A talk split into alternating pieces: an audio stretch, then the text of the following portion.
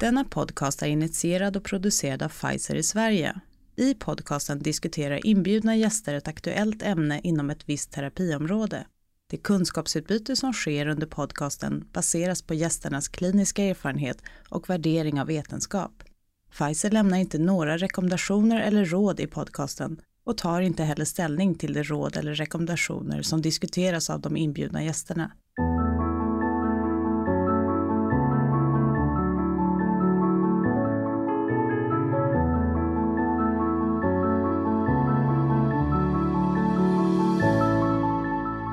Svensk reumatologisk förenings stora årliga möte, Reumadagarna, ägde i år rum i Falun. Det var 442 personer som deltog för att tillsammans utveckla vården för personer med reumatisk sjukdom i Sverige.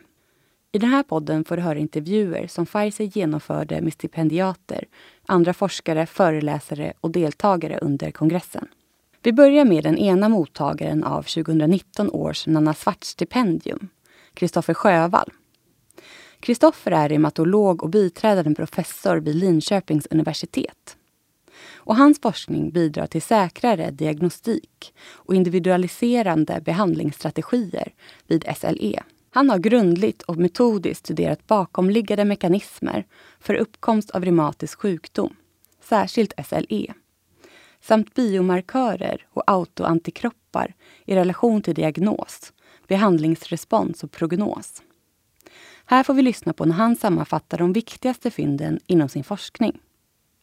Det är naturligtvis ett jättestort erkännande för mig och min forskargrupp att den forskning vi bedriver är av betydelse för svensk reumatologi och för patienterna med systemisk lupus erythematosus. SLE är en väldigt heterogen sjukdom, såväl eh, gällande vilka manifestationer som patienterna drabbas av och också gällande prognos, hur det går för patienter. Idag har vi väldigt få prediktiva markörer eh, som vi kan använda och skräddarsy behandlingen med. Till skillnad mot till exempel reumatoid artrit. Och eh, vi har arbetat med biomarkörer som kan kopplas till eh, prognos vid SLE. Vi hoppas att de resultat som ska vara mest betydelsefulla för patienterna är de gällande biomarkören SUPAR SUPAR står för eh, löslig urokinas-plasminogen aktiveringsreceptor. Och det här är en markör som vi tror att man skulle kunna mäta vid sjukdomsdebut och utifrån den skräddarsy både behandling och eh, mottagning för patienter i framtiden. Eh, vi har studier som eh, tittar på vilka biologiska betydelser som den här markören SUPAR eh, har vi vill titta på vad den har för betydelse i relation till vilka manifestationer som patienten drabbas av eh, bland annat och om det är en markör som man skulle kunna titta på longitudinellt. Den andra mottagaren av 2019 års Nanna Svartz-stipendium är Inger Gertsson. Hon är docent i reumatologi vid Göteborgs universitet.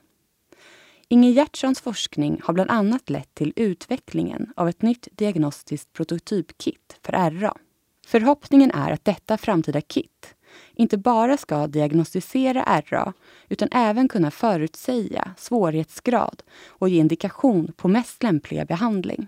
Ingen har visat hur specificiteten hos antikroppar kan prediktera utvecklingen av en svårare och behandlingsresistent sjukdom. Här berättar hon om betydelsen av att tilldela stipendiet och ger en sammanfattning av de viktigaste fynden inom sin forskning. Jag är jättestolt över att ha fått Nanna Schwartz-stipendiet. Det känns mycket hedrande att hamna i samma sällskap som de tidigare pristagarna, vilka är ju giganter tycker jag inom svensk reumatologisk forskning. Och motiveringen, där kände jag mig nästan rörd och det känns som ett stort erkännande för min forskning. Min forskning handlar ju om B-celler och subpopulationer av B-celler och deras betydelse för sjukdomsutfall vid RA och om de antikroppar som B-celler producerar.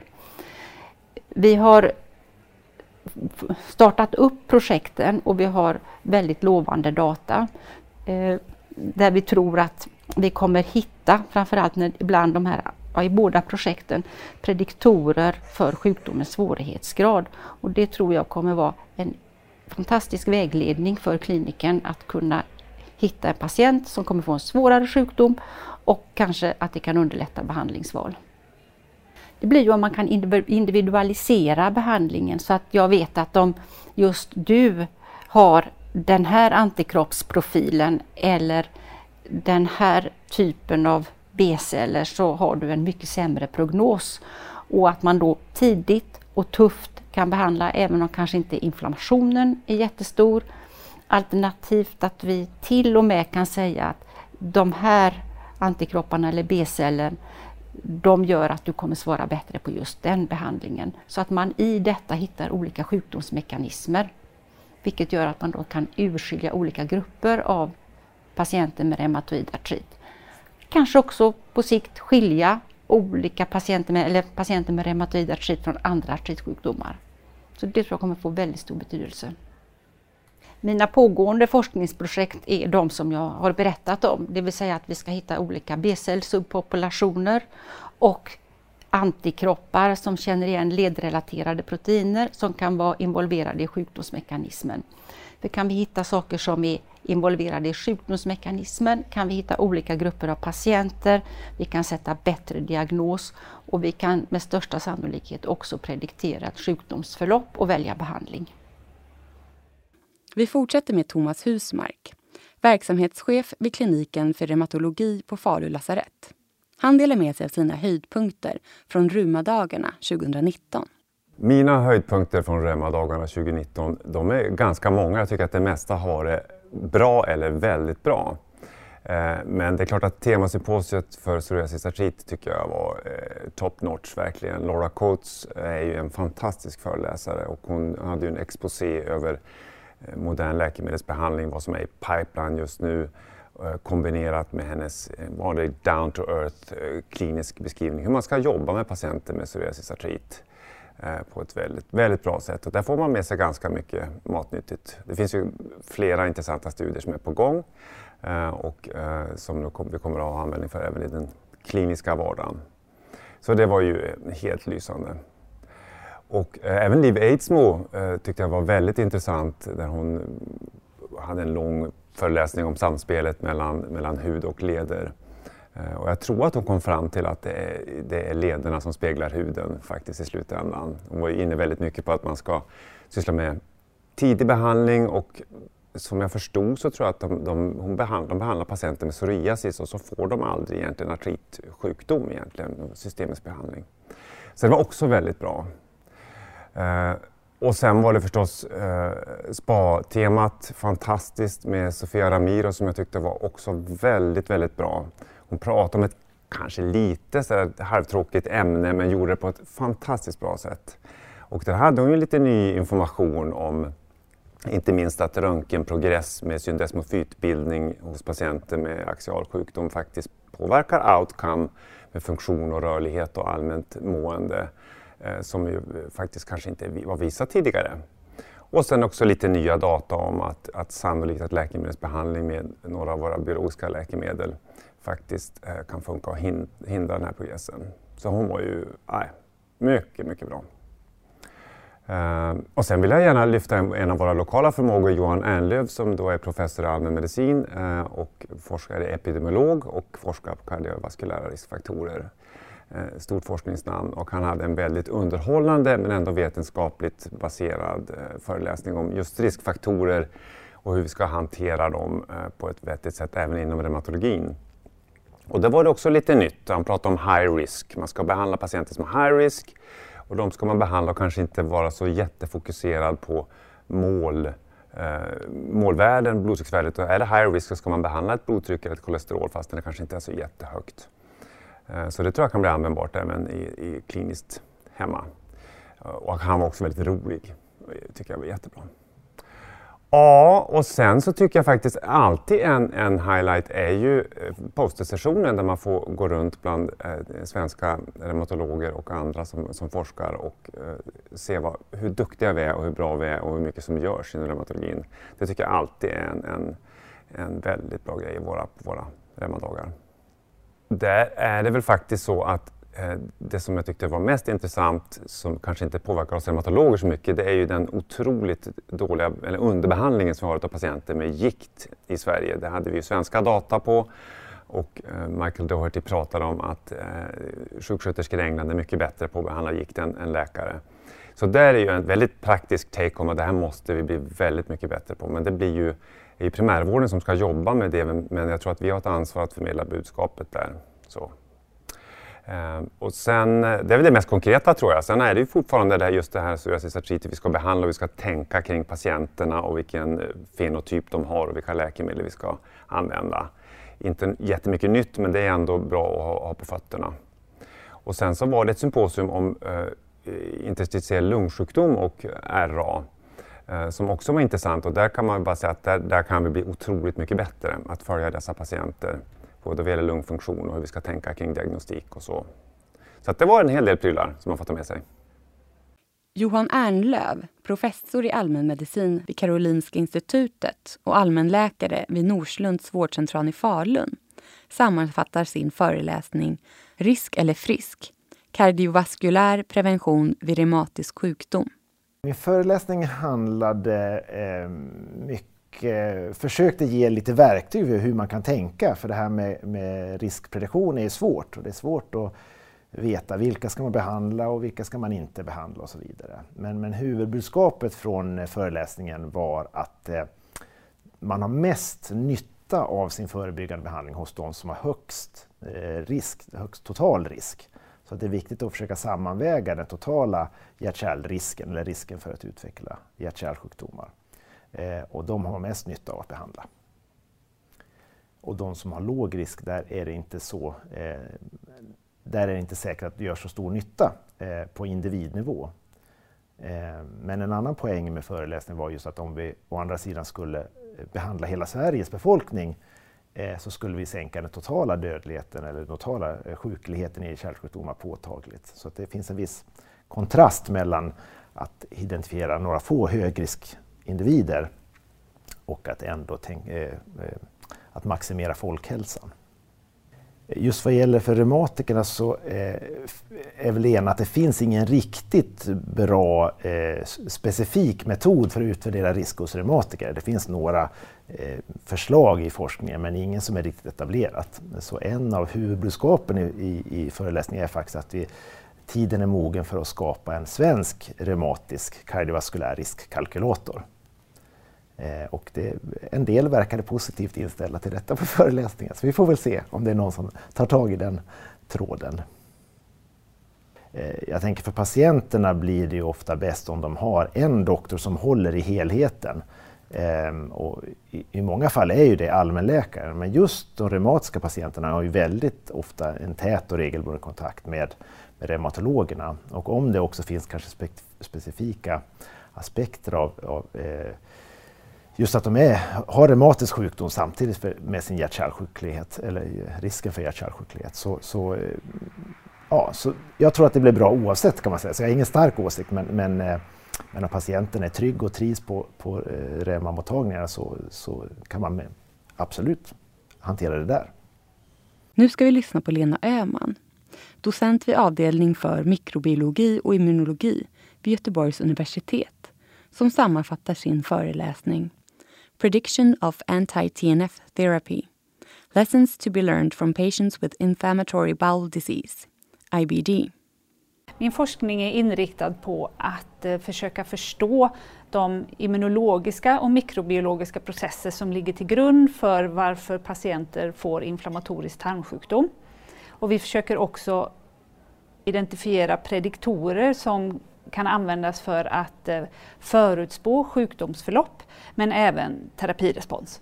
Ja, bakgrunden är ju det att när, när patienter insjuknar med inflammatorisk tarmsjukdom så vet vi ju inte vilka som kommer att ha ett svårt sjukdomsförlopp eh, och vilka som kommer kunna ha ett mildare sjukdomsförlopp och då kräver de olika typer av eh, behandlingsinsatser, både när det gäller medicinskt och kirurgiskt.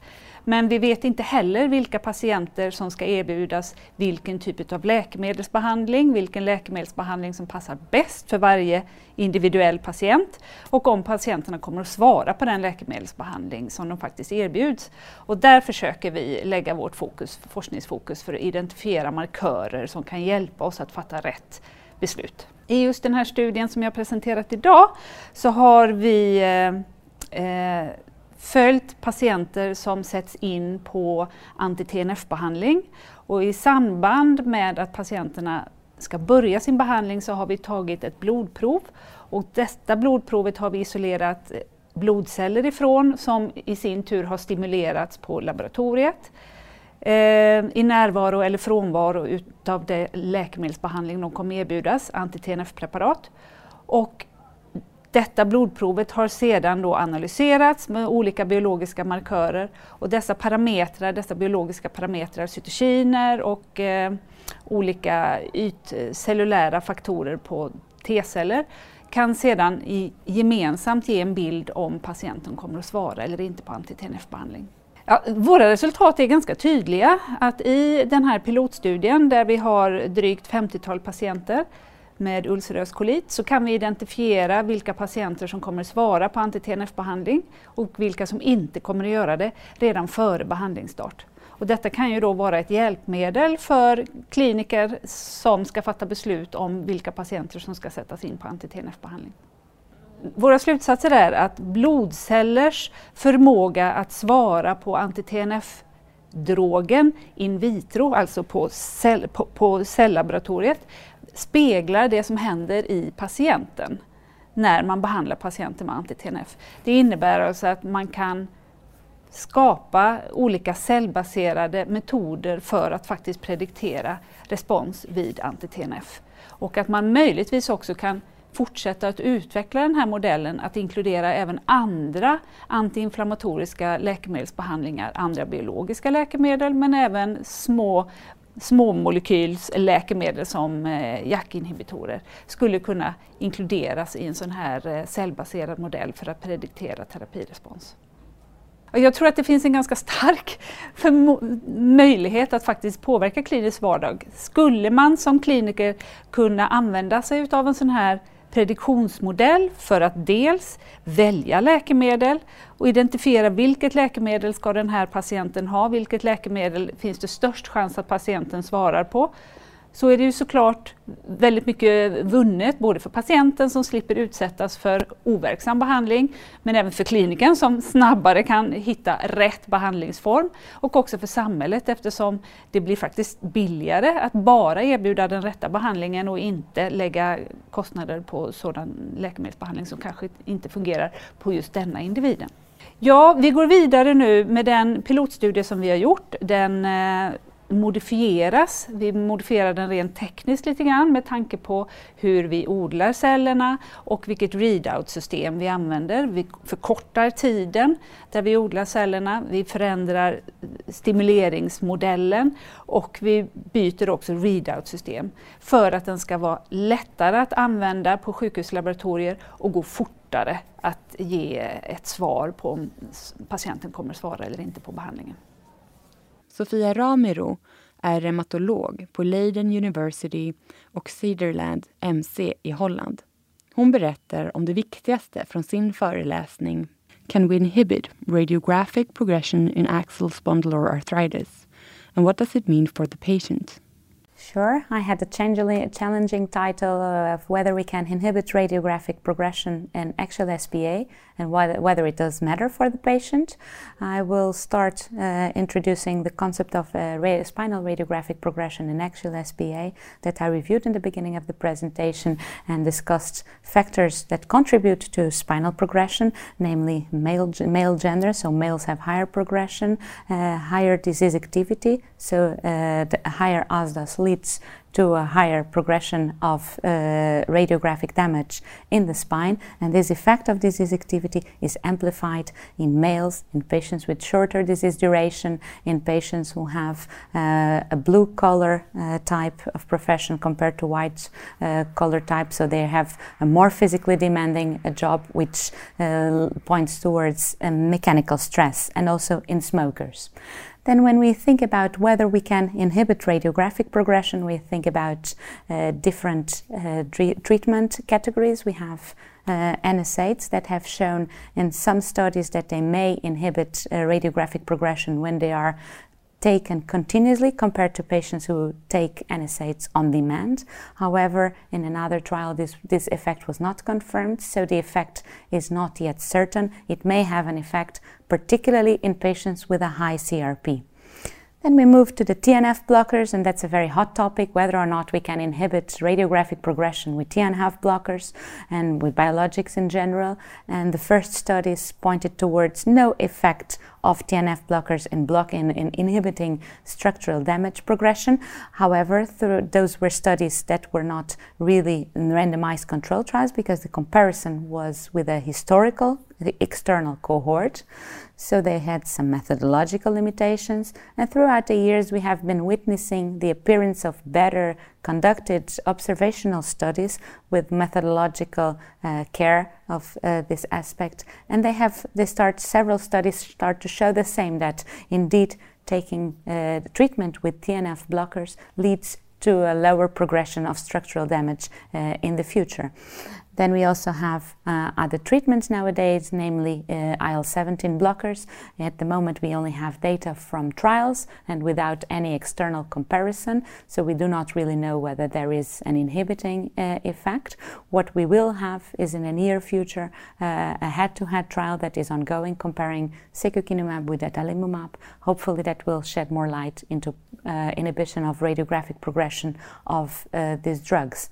And also, a last word to say that uh, nowadays we measure spinal radiographic progression with conventional radiographs, with the modified Stoke ankylosing spine, uh, ankylosing spondylitis spine score, the EMSAS, which is known for not being a very sensitive to change score. So we have introduced recently low dose, uh, low dose CT with a score that can capture more change in, in structural damage than what conventional radiographs can, up to five times more damage captured with low dose CT than with conventional X-rays. And in, if this gives us the possibility to test an, an effect of an intervention on inhibiting structural damage in, in, a more in an easier way with less patients included in the trial because the, the outcome measure is more sensitive to change. So that is also something promising for the future.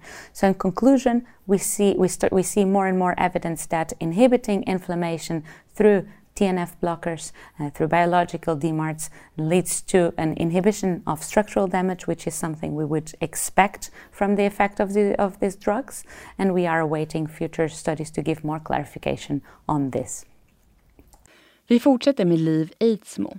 Hon är dermatolog på Karolinska sjukhuset och Psoriasisföreningen. Och här sammanfattar hon sin föreläsning Does the skin mirror the joints? Ja, det var en jättesvår men rolig titel att förhålla sig till som hudläkare. Eh, och det finns många olika perspektiv på det här. Så som hudläkare tänker jag jämt att lederna speglar vad vi ser i huden. En reumatolog tänker att huden speglar vad de ser i lederna. Eh, och just i psoriasis är det någonting man har diskuterat. Är det en sjukdom? Börjar det i huden? Börjar det i lederna? Och hur sker rörelsen från en, en av varianterna till att man har en eh, komplex sjukdom. Eh, så jag är också T-cellsimmunolog och satte mig in i T-cellerna och vad som egentligen är gjort eh, med rörelser mellan hud och leder. Min forskning baseras egentligen på det vi ser i kliniken som hudläkare, att psoriasis ofta kommer tillbaka på samma fläckar i huden. Så även när huden är helt utläkt ligger det kvar T-celler, vävnads-T-celler, som på en gång sätter igång att producera mycket IL-17, mycket interferon gamma, mycket IL-22 när de blir aktiverade. Och det här blir som ett immunologiskt minne eller ett sjukdomsärr. Eh, och det här har jag nu jobbat med i rätt många år. Eh, och nu har vi kommit till en fas där vi tänker oss också att det vore intressant att se hur hudens T-celler relaterar sig till ledernas T-celler. Och där, när man tittar på litteraturen, det är rätt lite gjort där man har tittat på båda i samma individ. Eh, och ett av problemen med psoriasis och, varför det är så svårt att säga någonting är att genetiken är komplex. Eh, varje patient är unik. Vi har också väldigt mycket omgivnadsfaktorer som är svåra att förstå sig på. Det här med att stress, eller alkohol eller infektioner påverkar sjukdomen gör att det blir väldigt svårt att stratifiera. Eh, så, så det här var mer en diskussion om var vi befinner oss någonstans och hur det kan komma sig att vi som hudläkare tycker att de patienter vi ser med psoriasis artrit, de får först hudproblem och sen efter sju år så kommer lederna. Reumatologer å andra sidan på universitetssjukhus, de ser framför allt krångelpatienterna med ledbesvär utan så mycket hudbesvär. Eh, och det här kan nog vara två olika sjukdomsgrupper. Eh, och mycket av arbetet i fältet nu är, eh, handlar ju om att försöka stratifiera, förstå vem som kommer få vilken sorts eh, och hur man på bästa sätt ska behandla dem. Inom hudläkarfältet går vi mycket mer mot att vara mer intensiva i vår behandling, Eh, komma ner till minimal sjukdomsaktivitet. Det har reumatologerna hållit på med väldigt länge. Eh, det vi också jobbar mycket med det är biomarkörer där vi kanske måste ta, så vi har jobbat mycket i mitt labb med att ta biopsier och aktivera immunceller och se på vävnadssvar. Det blir en bättre biomarkör för oss än att bara ta blodprover. För det speglar, blodet speglar inte huden särskilt väl. Eh, och jag tänker att man på samma sätt med leder måste fundera över hur man kan komma till en bättre biomarkör. Eh, och där tror jag att vi måste sätta oss ner tillsammans eh, och jobba runt patienten. Helena Severs är legitimerad barnmorska och auktoriserad klinisk sexolog. Här sammanfattar hon sin föreläsning Har du lust att ha lust? Rubriken säger ju väldigt mycket. Lust att ha lust. Har jag lust att ha lust? Mm. Eh, är det första man får ställa sig. Eh, och de flesta av oss vill ha lust ända till livets slutände. Men under resans gång händer det mycket med sjukdomar och separationer och sådana saker som påverkar mig under en period när jag kanske inte alls har lust att ha lust. Det måste man också respektera. Men att få vara en sensuell människa till livets slutskede är väldigt livsbejakande. Men eftersom vi blir äldre och vi drabbas av sjukdomar så kan förmågan framförallt bli eh, nedsatt och då gäller det att vi, vi som sjukvårdspersonal verkligen har information, kan coacha våra patienter. Ibland känns det som att vi tror att man måste ha en massa högskolepoäng i sexologi, men man behöver egentligen bara tänka på sig själv. Hur skulle jag ställa mig i den här situationen? Hur skulle jag tänka i den här situationen? Och att man har lite baskunskap med sig. Vilka hjälpmedel finns? Jag menar 50 procent av oss kvinnor får, eh, efter klimakteriet får torra slemhinnor. Jag vet vilka preparat som finns. Hur kan jag hjälpa kvinnorna? Då har man tillfredsställt väldigt mycket utav lusten. Eller männen, vilka erektions preparat finns, vilka potensmedel finns, hur kan man tänka, vad kan man göra? Det tycker jag är viktigt att vi som sjukvårdspersonal kan de här elementära kunskapen. Ja, jag tycker det. Vi frågar om kost och motion och hur man ska stiga i badkaret om man inte kan och så. Det, det, det, det gör vi. Det är väl lika viktigt att prata om sex och frå ställa frågan sexualiteten. Hur känner du någonting med din erektion? Eh, på grund av vissa mediciner kan ju ge eh, erektionsstörningar. Eller eh, slemhinnor. Hur har du med relationen? Det handlar ju väldigt mycket om en smående hur man har det med relationen. Och det behöver inte precis vara samlaget i sig, men det har ju med sin, sin sexualitet och mm, åtrå med sin partner att göra. Helst skulle jag önska att alla tog med sig, om man nu har en partner, tar med sig partnern på ett sånt här samtal. Det behöver man inte ha några högskolepoäng för att liksom sätta sig ner. Hur har ni det? Hur kan ni tänka? Vad finns det för hjälp jag kan hjälpa er med? och så. Det borde vi bli mycket bättre med. Det är att man ska känna sig åtråvärd i sina egna ögon. Där börjar all lust. Det här, hur mår jag själv? Vad finns det för hjälpmedel att få? Hur känner jag mig nu? eh, beroende på vad, vad, vad det är för situation i livet. Men det bästa lust att ha lust är hur mår jag själv och vill jag ha lust att ha lust? Nu får vi höra Kate Lorig, professor emerita, Stanford University School of Medicine, som sammanfattar sin föreläsning Self-Management in Patients with Rheumatic Diseases. It's a little unusual for me to be giving this talk today because I am not a physician, I am a behavioral scientist, although I've worked in the division of rheumatology and immunology at Stanford for 40 years now. And the talk I'm going to give today has to do with the 99% of the time that patients are not in medical care. They're living and working in their own communities, uh, playing with their grandchildren, going to school, doing whatever they have to do with their lives. And how well they do this and how well they adhere to medical advice and medical treatment really depends a great deal on how well they self manage. And self management is more than just taking medications. It also means being able to fulfill whatever role functions they want to fulfill in life, uh, being grandfather, being carpenter, uh, being knitter, any of these things. And it also means dealing with the emotions in life. One of the things we know about people with arthritis, and actually for all chronic illnesses, is about a third of them are clinically depressed. Now, in practice, you may not see clinical depression, you may not see this on their medical record, but if we give them a standard depression screen, over and over again, we find that somewhere between 30 and 35 percent of these folks are clinically depressed. So, self management also means dealing with the emotional sequelae of having a long term illness like rheumatoid arthritis or any of the other inflammatory arthritides that have uncertainty and a great deal of uncertainty in their future. And so, what I'm going to be talking about is how you systematically help people to self manage. And by systematically, I mean that we give workshops that are two and a half hours a week for six weeks.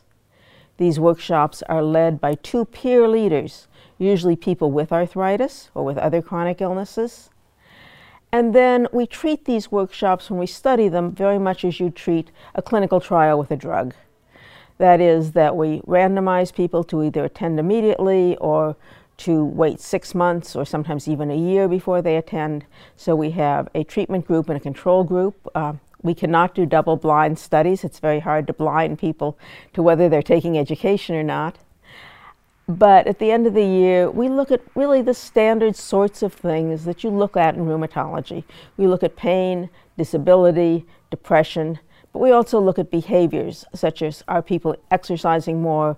Do they have better adherence to medications? Things of this sort. And then we also look at cost. Do these programs make any difference in cost to the healthcare system? And what we found over and over again is that over a year and even over two years, people that are taking self management programs end up having less pain than randomized controls reducing their depression about the same amount as depression would be reduced using an antidepressive medication. And they are increasing their exercise. They are also increasing their adherence to medication, which today with the biologics becomes even more and more important. And finally, when we look at cost effectiveness, what we're finding is that for every person we put through the health through the self-management programs, we're saving the healthcare system about $300. And I don't have time today to tell you the methodologies for doing this. Uh, we've done this in various ways, but most recently we've done it using claims data from a major insurer in the United States. So that's what I'm going to be talking about today. Vi avslutar med Laura Coates, som är reumatolog på University of Oxford och som sammanfattar sin föreläsning New Treatments and Therapeutic Strategies in PSA. So I think the big thing that we need to fix in the way we treat psoriatic arthritis patients is being slightly cleverer about how we choose treatments and about the treatment strategy that we use when we're looking after our patients. So I think the first key is that we should be thinking about treat to target. We've got evidence that that improves outcome. So using a measure like minimal disease activity, where we're looking for control of arthritis, of skin disease and of enthesitis, as well as patient reported outcomes, means we're aiming for the best outcome for all of our patients. But it's not quite that simple, so we don't always aim for MDA, we don't always stop at MDA. And there may be situations where we have to compromise with less disease control. So we still need to treat patients as individuals. I think at the moment there's two main ways that we choose therapies for patients. So the first is thinking about how severe the disease is, how much the patient is impacted, how many joints are involved, how much skin is involved, how many different domains. And that gives us an idea of how aggressive we should be overall, I think, in our treatment approach. And we're doing some studies now looking at more aggressive therapy for patients who have more severe disease to see if we can improve their outcome. By contrast, maybe less often, but rheumatologists do see patients with quite mild disease. We're getting better at getting patients referred. Dermatologists are often screening for psoriatic arthritis, and I think we are picking up milder cases of disease. And in some of those cases, we may not need to be quite as aggressive. We can treat a bit more gently, we can avoid adverse events from drugs, we can keep people well with quite minimal interventions. So it's trying to personalise it based on severity. And then the other way we personalise treatment at the moment is thinking about the domains of the disease. So I think for a lot of the drugs that we use at the moment, for biologics, for targeted synthetic DMARDs, we see quite similar outcomes in peripheral arthritis. Um, so there's not an easy way to pick between these drugs often. That's different in psoriasis, where we've got clear head-to-head studies showing that some drugs are superior to others. And it's also different now in axial disease. So we've got new data that some of our newer modes of action biologics don't work for the axial disease. So we need to think about which domains of the disease are active when we're choosing a therapy for each patient. And I think maybe related to that, but a little bit additional, is the comorbidities. So we see a lot of comorbidities in patients with psoriatic arthritis, some related to the disease, like inflammatory bowel disease, some more independent, like the metabolic syndrome, and taking those into account also often helps us pick a drug. So I think the link between skin and joint disease in psoriasis and psoriatic arthritis is still very much being studied. There are certainly differences between those with psoriasis who get arthritis and those with psoriasis who don't. So there are genetic differences underlying whether you get arthritis or not. There are some environmental triggers which we know are important, like weight gain um, and stress, which can often trigger these things. But I think there's a lot more we need to know. Much more typically, we see patients with psoriasis first and psoriatic arthritis later, and obviously maybe even only up to 30% of psoriasis patients get psoriatic arthritis. I think in a lot of our cohorts it's actually slightly lower, it depends how hard you look for it. Mm. Whereas in our patients with psoriatic arthritis, probably 90% have psoriasis, even if it's only mild. But then again, we have patients with psoriatic looking arthritis who maybe don't have psoriasis, may have a family history but may not be aware. So there's a possibility that we're underdiagnosing the psoriatic arthritis a little bit in those who don't have psoriasis. Obviously, it, it helps us to make the diagnosis. So I think, given the timelines, I think in most patients this, the skin probably does come first. There's a lot of interest around the nails and the link to enthesitis and whether that could be the conduit to developing psoriatic arthritis. But I think there's a lot more we need to do in identifying pre-arthritis patients if we can spot who will go on to develop arthritis and then trying to treat them more aggressively earlier. Tack för att ni har lyssnat. Missa inte att gå in på pfizerplay.se. Där samlar vi alla intervjuer och webbinarier från utbildningar och kongresser. Och där kan ni också registrera er till vårt nyhetsbrev